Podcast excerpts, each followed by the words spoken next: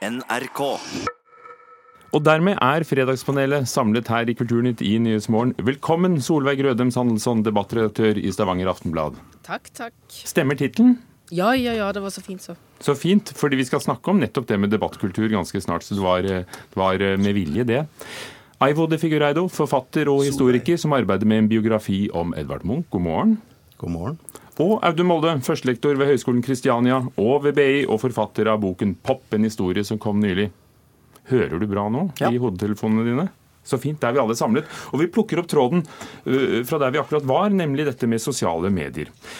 De to politikerne fra Miljøpartiet De Grønne, Lan Marie Nguyen Berg og Eivind Tredal, har mottatt regelrett hets de siste dagene etter at de delte nyheten om at de venter sitt første barn.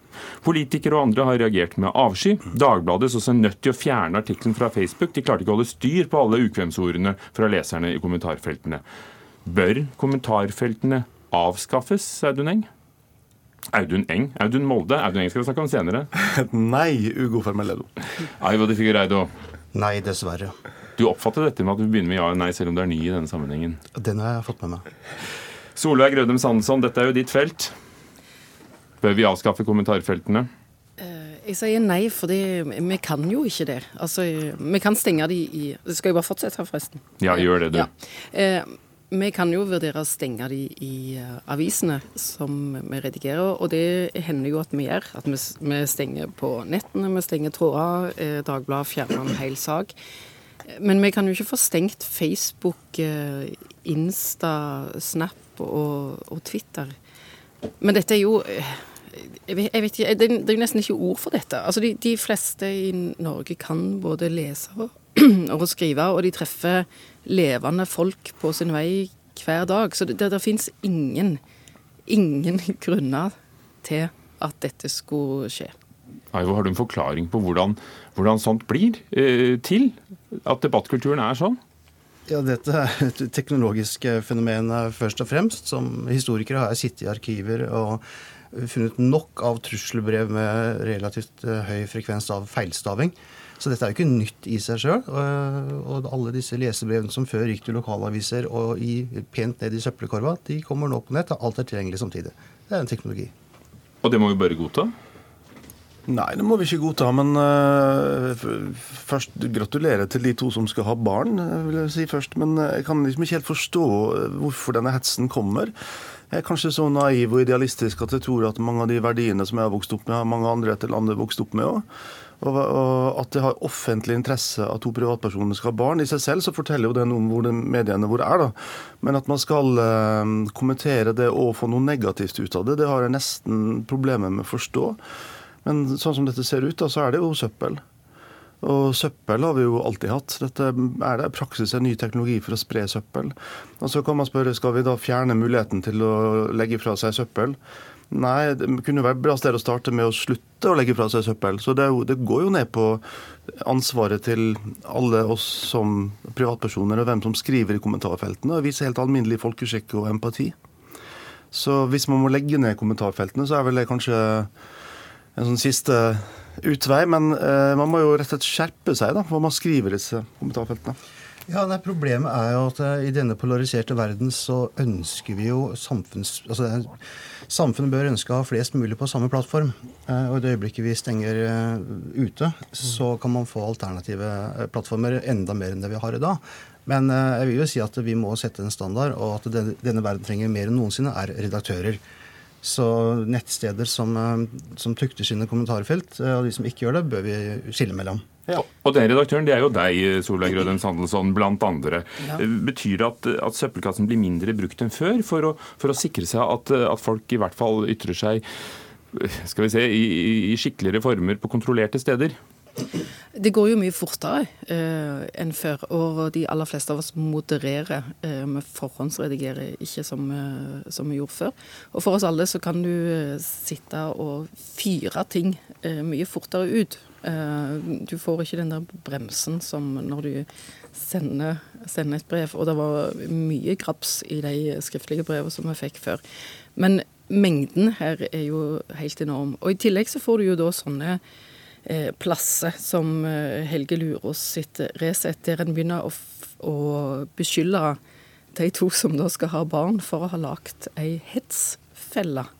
Så en får i tillegg en sånn en helt ufyselig ansvarsfraskrivelse. Altså hvis du er så upopulær å legge ut at du skal ha barn, så gjør du det for eh, at du skal få hets, og så ta de som hetser.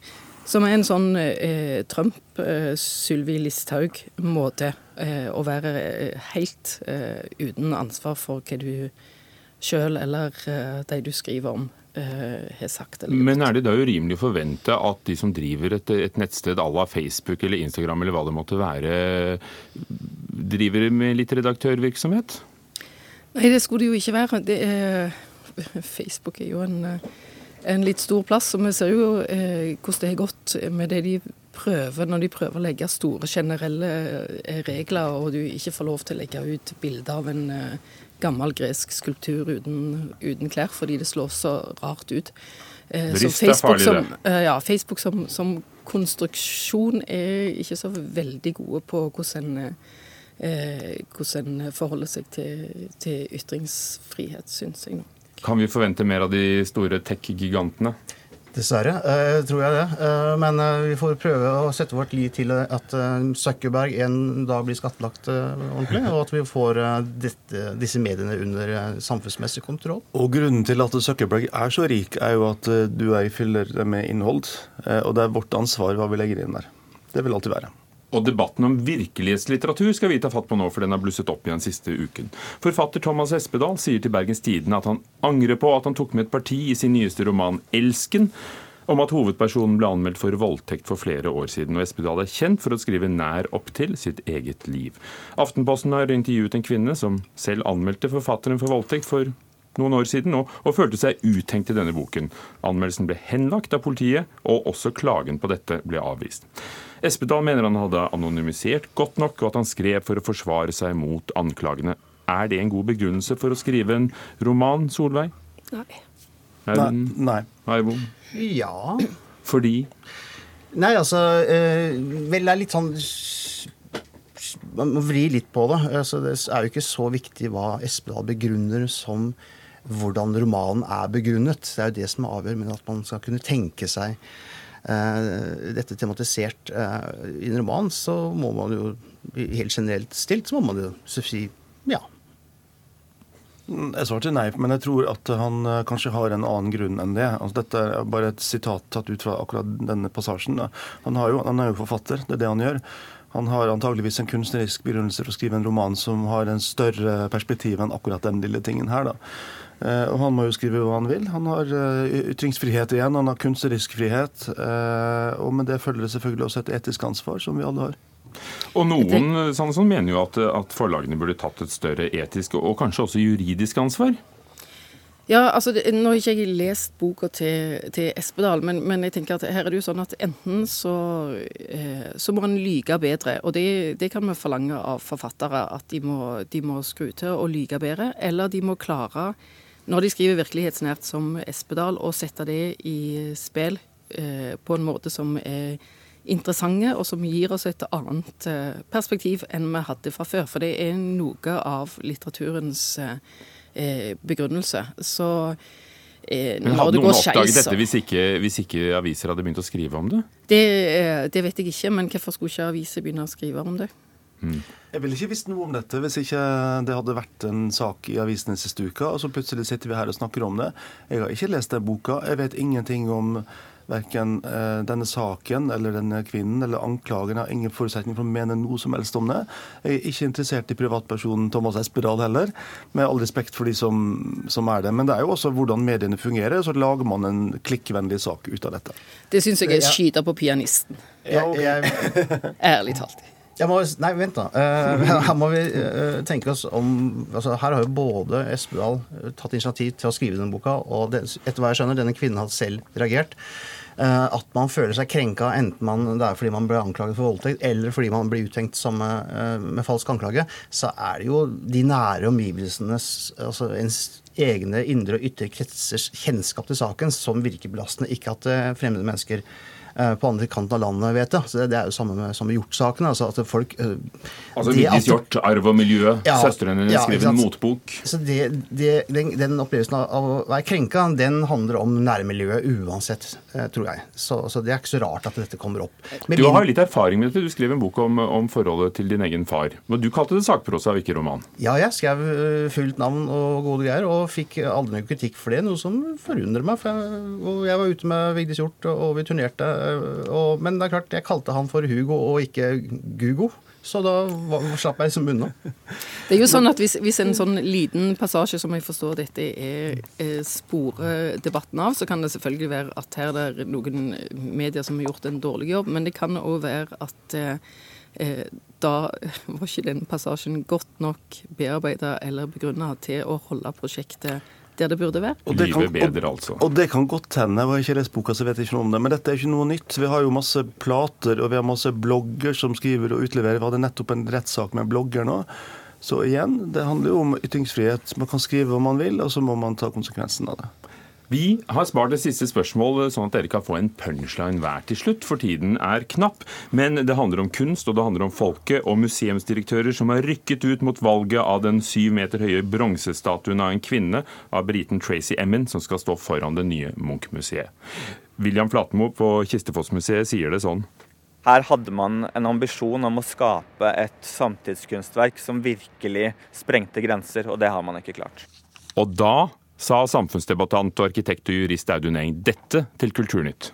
Det jeg merket meg, var jo at den altså ikke var grensesprengende og nyskapende nok for en del av eh, de som uttaler seg i sånne saker. Jeg er da redd de ville ha foretrukket eh, noe som folk ville oppfattet som rett og slett eh, stygt og plagsomt å måtte se på. For han mener at folk selv må få bestemme hvilken kunst vi skal ha rundt oss, ved f.eks. folkeavstemning. Bør vi det, Aivo? Nei, er du rusk? Audun Molde? Nei. Solveig Rødem Sandelsson? Eh, tja. Tja, tja kanskje. Jeg, eh, ja. Eh, jeg syns i alle fall at en, en trenger ikke å Vi trenger ikke pynte oss vekk fra uh, oss sjøl i, i, byene våre. Og så tror jeg jo kanskje at eh, Munch sjøl var ganske ambivalent til møtet med eh, folkesmaken og òg de som styrte byen hans eh, sin smak når det gjaldt kunst, kunst i eh, samtida. Var han det, Aud Figueiredo? Du skriver en ny biografi om Edvard Munch, du? Ja, eh, det gjør jeg. Uh, Munch var en blei mer og mer en kunstner som ville nå ut. Altså, som i med store malerier på offentlige steder. Så, så det er Munchsk nok. Men folk bør ikke få bestemme over hvilken status som skal stå foran Munch-museet? Vel, jeg merker meg at eh, han Eng er arkitekt, så det ville vært eh, like naturlig å ha hatt folkeavstemninger eh, om nye bygg. Men jeg har fortsatt en slags sånn kompromiss, da. For det er jo høyden, sju meter. Så hvis man gir folkeavstemning altså for å avgjøre høyden, så kan de få vilja si der. Og sju meter er 193 meter lavere enn skyskraperen på Fornebu, og den er viktigere å forhindre. Enn skulpturen til Tracy Absolutt. Takk skal dere ha, Audun Molde, Aivo de Figureido, Solveig Rødem Sandesson, som utgjorde Kulturnytts fredagspanel her i Nyhetsmorgen. Klokken er halv ni.